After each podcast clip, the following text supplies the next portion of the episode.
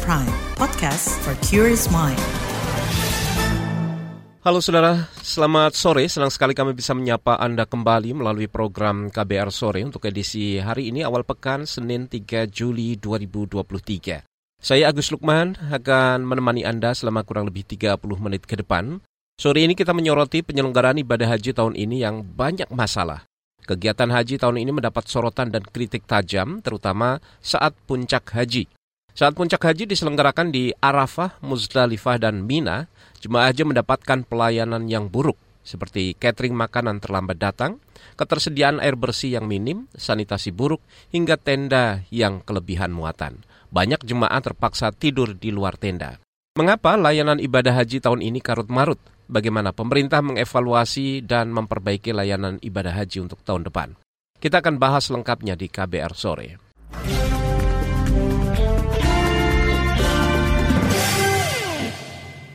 Saudara, pemerintah Arab Saudi menyampaikan permintaan maaf terhadap pemerintah Indonesia dan jamaah haji asal Indonesia atas kekacauan yang terjadi dalam pelayanan ibadah haji tahun ini. Permintaan maaf itu disampaikan Menteri Haji dan Umrah Arab Saudi, Taufik F. Al-Arabiah. Menteri Agama RI Yakut Khalil Komas mengatakan permintaan maaf dari pemerintah Arab Saudi itu disampaikan beberapa kali, disertai komitmen untuk memperbaiki seluruh layanan ibadah haji. Yakut menirukan pernyataan Menteri Haji dan Umrah Arab Saudi yang mengklaim mereka turut merasakan sakit akibat buruknya layanan ibadah haji tahun ini. Untuk melakukan investigasi atas beberapa persoalan yang muncul mulai di Arafah, Musdalifah, lalu Mina. Kita membuat tim bersama yang insya Allah hasilnya tadi kita sepakati seminggu atau maksimal dua minggu yang akan datang kita sudah dapat hasil investigasinya. Kenapa Arafah seperti yang kita tahu, kemudian Musdalifah dan Mina. Dan Alhamdulillah Kementerian Haji dan Umroh Kerajaan Saudi Arabia sangat berkomitmen membantu kita, sangat berkomitmen dan mereka juga merasakan Eh, sakit begitu kata Menteri sampaikan kepada saya. Melihat pelaksanaan haji kemarin ini saya mengutip pernyataan Menteri Haji ya. Saya juga merasakan sakit seperti yang Anda rasakan begitu kata kepada saya Menteri Agama RI Yakut Khalil Komas menambahkan pemerintah Arab Saudi juga menyampaikan komitmen kuat mereka untuk memperbaiki pelayanan saat puncak haji di Arafah, Musdalifah, dan Mina. Saudara, di antara karut-marut layanan ibadah haji tahun ini ditemukan oleh anggota Komisi Bidang Agama DPR Endang Maria Astuti. Endang mengatakan tenda jemaah haji Indonesia di Mina kelebihan kapasitas. Pantauan lapangan di Maktab Indonesia nomor 66, 67, dan 68 dari total per kloter sekitar 360 anggota jemaah, tenda hanya mampu menampung sekitar 260 anggota jemaah. Akibatnya jemaah tidur berdesak-desakan bahkan ada yang tidurnya duduk karena tempatnya tidak muat. Selain itu ada limpahan air yang mengucur dari toilet yang membuat kasur basah. Walaupun jemaah haji hanya mengalaminya selama dua malam, ini dapat mengakibatkan kesehatan jemaah terganggu. Beberapa jemaah pun terpaksa berinisiatif membuat tenda darurat. Sementara itu, Saudara Direktur Jenderal Penyelenggaraan Haji dan Umrah di Kementerian Agama, Hilman Latif, menyesalkan lambatnya masyarik dalam menyiapkan layanan jemaah haji di Musdalifah dan Mina. Masyarik merupakan perusahaan yang bertanggung jawab pada pelayanan haji dan umroh untuk jemaah asal negara Asia Tenggara yang berkantor pusat di Mekah. Hilman mengatakan proses pemberangkatan jemaah dari Musdalifah ke Mina mengalami keterlambatan. Kini layanan konsumsi di Mina juga tidak terdistribusikan dengan baik dan lancar. Potensi lainnya adalah ketersediaan kasur di dalam tenda-tenda jemaah yang tidak sesuai dengan jumlah penghuni. Kita di sini juga menyaksikan uh, beberapa layanan yang perlu ditingkatkan lah, lima, terutama pada hari pertama kemarin ya. Untuk sanitasi, ya, uh, kemudian juga padatan tenda. Uh, karena kita dapat tambahan 8.000 orang, uh, kemudian juga negara-negara yang sama, tendanya ya segini-gininya. Nah ini juga menjadi bahan bagi kami untuk refleksi uh, ke depan sebetulnya kuota yang paling rasional itu bagi jamaah Indonesia dengan kesediaan tendanya yang proporsional itu yang kita pilih ke depan. Dan ada beberapa maktab ya atau tenda tenda-tenda kompleks lah ya di sini yang uh, asupan untuk uh, air bersihnya agak tersendat. Ya. Infrastrukturnya belum sempurna. Kemudian juga makan begitu. Beberapa makan tersendat. Yang lainnya alhamdulillah ya. Direktur Jenderal Penyelenggaraan Haji dan Umroh di Kementerian Agama, Hilman Latif, juga mengatakan protes keras sudah disampaikan pemerintah Indonesia kepada masyarik Protes sengaja dilontarkan agar Masyarik bertanggung jawab atas ke seluruh ketidakberesan yang terjadi pada pelayanan ibadah haji di Arafah, Muzdalifah, dan Mina. Protes juga disertai pengawasan lebih ketat agar Masyarik bekerja lebih cepat dalam memenuhi semua kebutuhan jemaah haji. Saudara, Kementerian Agama sebelumnya berjanji untuk memperbaiki layanan ibadah haji, terutama dalam melayani jemaah haji berusia lanjut atau lansia, yang merupakan jumlah jemaah haji terbanyak tahun ini. Apalagi Kementerian Agama sudah menetapkan slogan Haji Ramah Lansia. Laporan khas KBR akan menyoroti masalah ini, akan kami hadirkan sesaat lagi. Tetaplah di KBR Sore. You're listening to KBR Pride, podcast for curious mind. Enjoy!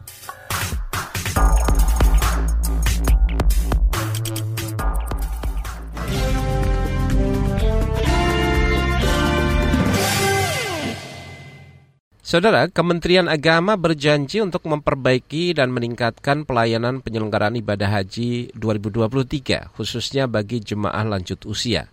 Namun hingga puncak ibadah haji usai, banyak ditemukan kekurangan dalam penyelenggaraan haji tahun ini. Lalu apa evaluasinya? Berikut laporan khas KBR disusun jurnalis Ardi Ridwansyah dan disampaikan Astri Septiani. Kementerian Agama tahun ini memberangkatkan lebih dari 220 ribu jemaah calon haji ke Arab Saudi termasuk sekitar 67 ribu jemaah lanjut usia. Menteri Koordinator Pemberdayaan Manusia dan Kebudayaan Muhajir Effendi mengatakan, tingginya jumlah jemaah lansia ini membutuhkan kesiapan tenaga medis yang cukup. Ini untuk mengantisipasi apabila ada lansia yang tumbang akibat kelelahan. Di samping itu juga perlu ada penambahan dokter spesialis uh, karena ini banyak lansia dan di sana banyak mengalami uh, demensia atau psikosomatis maka di samping diperlukan tambahan psikiater, juga perlu ada psikolog. Kementerian Agama mengusung misi penyelenggaraan haji tahun ini lebih ramah bagi jamaah lansia, yang umumnya secara fisik tidak lagi prima. Menteri Agama Yakut Kolil Komas mengklaim, sudah menyiapkan berbagai fasilitas bagi jemaah lansia, seperti penyediaan kursi roda. Kami sudah menyiapkan fasilitas serta petugas khusus lansia untuk melayani 66.943 jemaah ini. Mulai dari apa keperluan sehari-hari seperti kursi roda atau tongkat untuk bantu berjalan, eh, sampai ke urusan bimbingan manasik yang terkait dengan rukhsah atau kemudahan-kemudahan dalam menjalankan ibadah. Secara umum kami sudah siap melaksanakan pelayanan ini. Kendati demikian, proses berlangsungnya haji tahun ini belum sepenuhnya ramah bagi jamaah lansia. Setidaknya itu dari pandangan tim pengawas haji DPR RI yang memantau penyelenggaraan haji tahun ini. Wakil Ketua Komisi Bidang Agama DPR RI sekaligus anggota tim pengawas haji Aceh Hasan Syazili mengatakan, transportasi belum sepenuhnya ramah lansia. Ia mengatakan dari 450-an bus yang disiapkan pemerintah, hanya 25 bus yang masuk kategori ramah lansia. Dari hasil penelusuran kita dan pengawasan kita terhadap uh, pelayanan transportasi ini harus diakui bahwa belum sepenuhnya uh, ramah terhadap lansia. Kenapa? Karena uh, jumlah bis yang ramah lansia ini masih jauh lebih sedikit dibandingkan dengan bis yang disediakan yang melayani bagi uh, jamaah secara umum. Tim pengawas haji dari DPR juga menemukan fasilitas penunjang belum mencukupi bagi lansia, seperti mobil golf atau kursi roda saat ibadah melempar jumroh. Padahal, kata Aceh, dalam rapat terakhir hal itu sudah disarankan ke pemerintah. Anggota Komisi Bidang Agama DPR sekaligus tim pengawas haji DPR Maman Imanul Haq juga mengeluhkan fasilitas haji yang disediakan pemerintah Arab Saudi selaku penyelenggara. Misalnya tenda di Mina yang kelebihan kapasitas sehingga jamaah berdesakan untuk istirahat.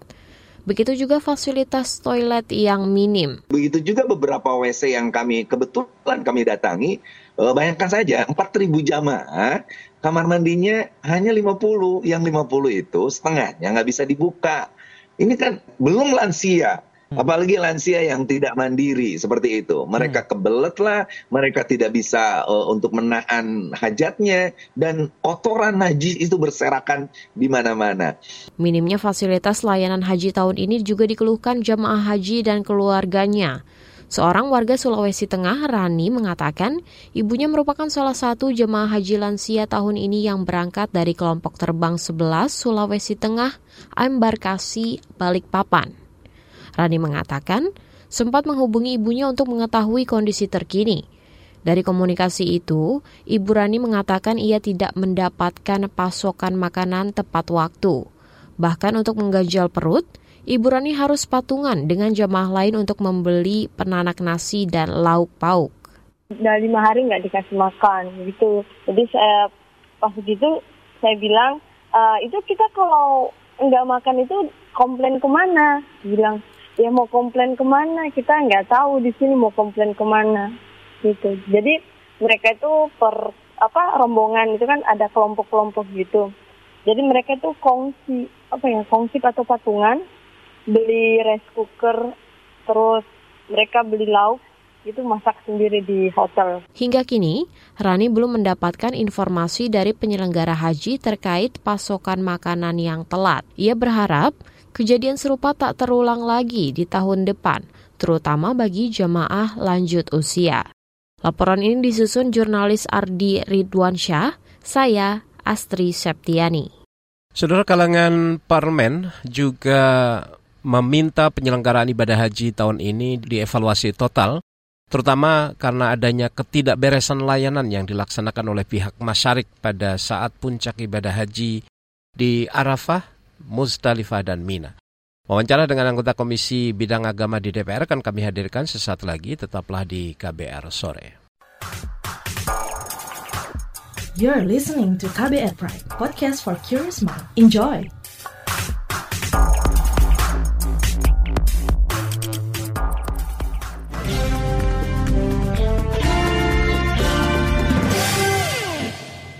Terima kasih Anda masih bersama kami di KBR Sore. Saudara kalangan DPR menilai besarnya kuota jemaah haji Indonesia untuk tahun ini tidak diiringi dengan peningkatan layanan untuk jemaah. Padahal Indonesia merupakan negara dengan kuota haji terbanyak di dunia. Layanan yang seharusnya semakin baik dari tahun ke tahun justru karut marut pada tahun ini. Ironisnya, mayoritas dari total 220-an ribu jemaah haji Indonesia adalah mereka yang sudah lanjut usia atau lansia. Berikut kutipan perbincangan jurnalis KBR Astri Septiani dengan anggota Komisi Bidang Agama di DPR Iskan Kolba Lubis. Bagaimana catatan dan juga evaluasi dari DPR terkait penyelenggaraan haji tahun 2023? Nah, mungkin sudah banyak yang diberitakan teman-teman ya, yang mungkin tambahan dari saya pertama memang kita tidak apa ya ke depannya harus lebih hati-hati. Kalau dikasih tambahan kuota dengan waktu yang sangat singkat itu perlu lebih lebih hati-hati menerimanya. Karena kalau kita lihat tahun ini kan banyak penambah ada tambahan kuota ya. Tapi kan kita tidak bisa memastikan tambahan apa namanya luas luas wilayah di Mina itu nambah tidak gitu kan Sebab nanti supaya kalau nambah uh, jemaahnya kan sirkah juga harus menambah luas itunya kan, luas tempatnya itu supaya tidak terjadi penumpukan. Tapi kan memang banyak masalah ini kan di sirkah. Seperti umpamanya apa penyiapan mobil-mobil itu kan memang ya, kita kan sudah bayar kan ke sampai kemarin Menteri Agama cukup cukup keras juga ya ngomongnya ya untuk mengingatkan itu. Jadi kita udah bayar tapi memang uh, mobilnya kurang, akhirnya terjadi apa tidak terangkut dari Musdalifah gitu kan. Uh, itu kan memang cukup sangat vital ya namanya air ya air orang kan mau uh, biasanya haji kan jatuh orang mau buang air mau sakit perut atau apa mau uduk kan itu memang sebenarnya yang gitu-gitu sudah sudah tidak ada lagi yang masalah itu kan Lalu bagaimana Anda menilai respon dari penyelenggara haji dalam mengatasi masalah-masalah tersebut? Apakah sudah cukup maksimal atau masih perlu diperbaiki? Kalau saya lihat sih petugas haji kita ya, saya bahkan apa ya, mereka udah kerja 24 jam gitu ya. Dan kadang kasihan capeknya mereka itu ya, petugas kita. Tapi kan uh, uh, banyak masalah itu terjadi bukan di tangan kita gitu loh mbak umpamanya masalah air mati kan bukan bukan urusan pemerintah kita di Indonesia kan bukan urusan kementerian agama kan. Itu kan memang sudah fasilitas uh, firkah ya air kemudian transportasinya uh, tempat diminat. Itulah kita lihat ini kan tahun ini uh, PT, tahun ini kan sudah sistem PT ya Sirta ini perusahaan baru di Saudi. Kalau dulu itu kan sistem muasasah itu adalah penyelenggaranya itu bekas-bekas penyelenggara haji yang selamanya. Kalau sekarang sudah jadi PT murni PT gitu ya. Itu mungkin kita belum tahu ya situasi sejauh apa kesiapan dia uh, mengelola itu. Tapi saya lihat sih sebagian seperti uh, toiletnya di Arafah Mina sudah jauh lebih bagus, sudah permanen ya. Kemudian meja-mejanya sudah bagus. Cuma mungkin apa memang kebutuhan listriknya kurang besar gitu ya membuat kan di Saudi itu serba listrik semua kan kalau listriknya bermasalah bisa mempengaruhi kepada air ke mana eh, AC dan lainnya memang sir ini kan sirka baru ya baru baru tahun ini beroperasi mungkin dia butuh itu juga kali butuh pengalaman ya Lantas bagaimana saran dan dorongan dari DPR untuk perbaikan penyelenggaraan ibadah haji ke depannya? Ke depannya kita harus lebih terus teranglah dengan masyarakat itu supaya mereka itu serius mempersiapkan prasarana itu ya kan? Kalau umpamanya mobil yang akan mengangkat dari Eropa itu berapa sih gitu kan? Kalau dia ada satu rusak terus dia siap ganti gitu jangan sampai nah, terus ya kalau Mustalifah itu udah panas nggak dijemput itu kan? Itu lebih fatal. Itu mungkin yang jangan sampai terulang ke depan. Jadi memang uh, ke depan itu harus lebih apa ya mungkin semacam kontrol atau gimana gitu ya. Memang ini di uh, haji ini kan berhubungan dengan bukan 100% di di tangan kita gitu ya. Saya kemarin kita saya lihat uh, ke depannya uh, di majalah UKAS ya majalah di Saudi sistem pengolahan haji ke depannya mungkin lebih kayaknya lebih apa ya lebih lebih lebih liberal lagi gitu. Siapa yang keluar bayar gitu gitu. Jadi memang harus lebih lebih sigap lah. Ya, ke depannya. Seperti itu itu tadi saudara perbincangan jurnalis KBR Astri Septiani dengan anggota Komisi Bidang Agama di DPR yang juga tim pengawas haji tahun ini, Iskan Kolba Lubis. Sementara itu, saudara, layanan ibadah haji tahun lalu dinilai lebih baik dibandingkan dengan penyelenggaraan ibadah haji tahun ini. Penilaian itu disampaikan oleh Ketua Umum Pengurus Pusat Ikatan Persaudaraan Haji Indonesia IPHI Ismet Hasan Putro.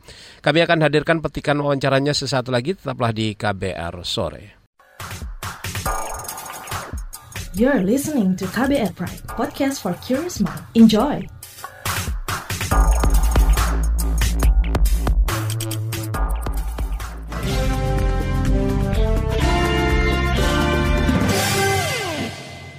Saudara Ikatan Persaudaraan Haji Indonesia IPHI mendesak dilakukannya evaluasi menyeluruh atas penyelenggaraan ibadah haji tahun ini. IPHI prihatin dengan ketidakberesan layanan haji tahun ini yang justru terjadi saat puncak ibadah haji, yaitu di Arafah, Musdalifah, dan Mina. Ketua Umum Pengurus Pusat IPHI, Ismet Hasan Putro, juga mengingatkan Kementerian Agama untuk bekerja sama dengan pihak-pihak yang berkompeten sebagai pendamping jemaah haji di Arab Saudi. Selengkapnya kita simak perbincangan jurnalis KBR Indonesia dengan Ketua Umum IPHI, Ismet Hasan Putro. Dari banyaknya polemik yang terjadi di penyelenggaraan haji tahun 2023 ini, bagaimana IPHI menanggapi banyaknya keluhan dalam penyelenggaraan haji? Ya, pertama bahwa memang ini jauh dari ekspektasi panitia pelaksana ibadah haji 2023. Mengapa? Karena ternyata di dalam kuota jamaah haji itu yang mestinya menjadi tempat bagi para jamaah yang merupakan kuota pemerintah resmi, ternyata ternyata ada sebagian besar itu jamaah yang bukan punya hak untuk menempati maktab ataupun juga tenda yang telah disiapkan. Oleh karena itu, menurut saya, saya memang dalam konteks ini ke depan harus ada penertiban terhadap uh, visa untuk uh, haji ini. Pak istilah saya kecolongan nih dengan adanya jamaah yang non uh, kuota reguler dari kerajaan Saudi. Oleh karena itu wajar jika mungkin ada kekurangan catering, kemudian juga ada problem apa nama itu kekurangan tempat tidur karena apa? Karena jumlah kapasitas tenda menjadi tidak memenuhi syarat lagi hmm. karena e, banyak jamaah yang mestinya punya hak di situ menjadi tersisi oleh yang dalam istilah di pemberitaan itu jamaah koboi gitu kan. Hmm jamaah yang ujuk-ujuk muncul gitu. Sehingga kemudian berdampak pada kesulitan untuk menyiapkan kapasitas yang sesuai dengan jumlah jamaah yang ada di tenda ataupun juga kebutuhan lainnya seperti kebutuhan toilet. Mestinya itu kapasitasnya untuk 220 ribu orang ternyata menghuni lebih dari itu. Wajar kalau kemudian bahkan toiletnya menjadi bermasalah. Soal apa namanya itu eh, tempat tidur, soal toilet, ya kan, soal perasaan dan sarana yang lainnya yang mestinya itu kualitasnya sudah sudah distandarisasi melalui kontrak-kontrak yang sudah disepakati sebelumnya. Apa catatan-catatan besar bagi Kemenak setelah banyaknya masalah yang hadir ini? Memang Kemenak harus menggandeng pihak-pihak yang memiliki kompetensi untuk uh, menjadi pelayan yang benar-benar bukan saja punya keikhlasan, punya kemauan mengabdi, tapi lebih pada itu dia harus juga punya kompetensi yang mumpuni untuk melayani orang-orang yang memiliki apa ya keterbatasan khusus karena faktor usia misalkan. Itu yang yang pertama. Yang kedua menurut hemat saya memang dalam konteks ini perlu ada koordinasi yang lebih intensif dan antisipatif sifatnya terhadap kemungkinan-kemungkinan terburuk pada saat jamaah itu ada di Arab Arafah, Mina, dan juga di Musdalifah. Mengapa? Karena sering kali terjadi ya di lokasi itu persoalan muncul pada saat puncak haji itu. Mungkin pertama karena uh, belum adanya emergency planning yang disiapkan pada saat terjadi persoalan kan gitu kan. Karena apa? Karena semuanya dalam pengertian menganggap ini prosesi yang sudah rutin, sudah biasa sehingga tidak ada plan A, plan B. Yang ada hanya plan A saja, plan B, plan C tidak ada. Sehingga kemudian ketika terjadi persoalan seperti sekarang itu apa ya istilah saya itu menjadi gaduh, mm-hmm. menjadi panik gitu loh. Nah dalam konteks ini menurut hemat saya Kementerian Agama khususnya itu uh, bukan semata-mata melakukan evaluasi secara komprehensif, namun bagaimana ke depan ini agar pelayanan haji itu uh, semakin meningkat, semakin baik, uh, semakin memberikan kepuasan kepada para jamaah haji. Baik, dari catatan-catatan tersebut, apa harapan agar tidak terjadi berulang di tahun yang akan datang?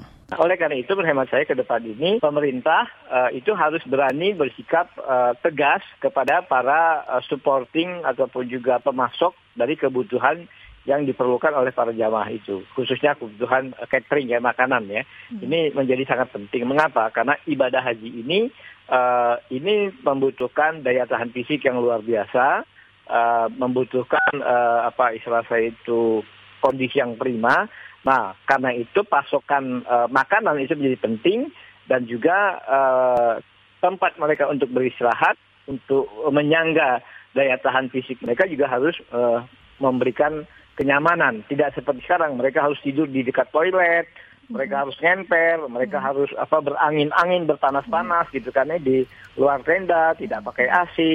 Nah ini sebab menurut hemat saya menjadi keprihatinan kita besar. Itu tadi saudara berbincangan jurnalis KBR Khairunisa dengan Ketua Umum Pengurus Pusat Ikatan Persaudaraan Haji Indonesia Ismet Hasan Putro. Informasi tadi menutup jumpa kita di KBR sore untuk edisi hari ini Senin 3 Juli 2023. Saya Agus Lukman bersama tim yang bertugas kami undur diri. Salam.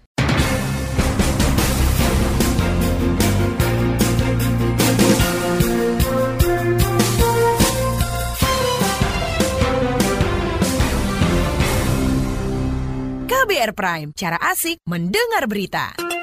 KBR Prime, podcast for curious mind.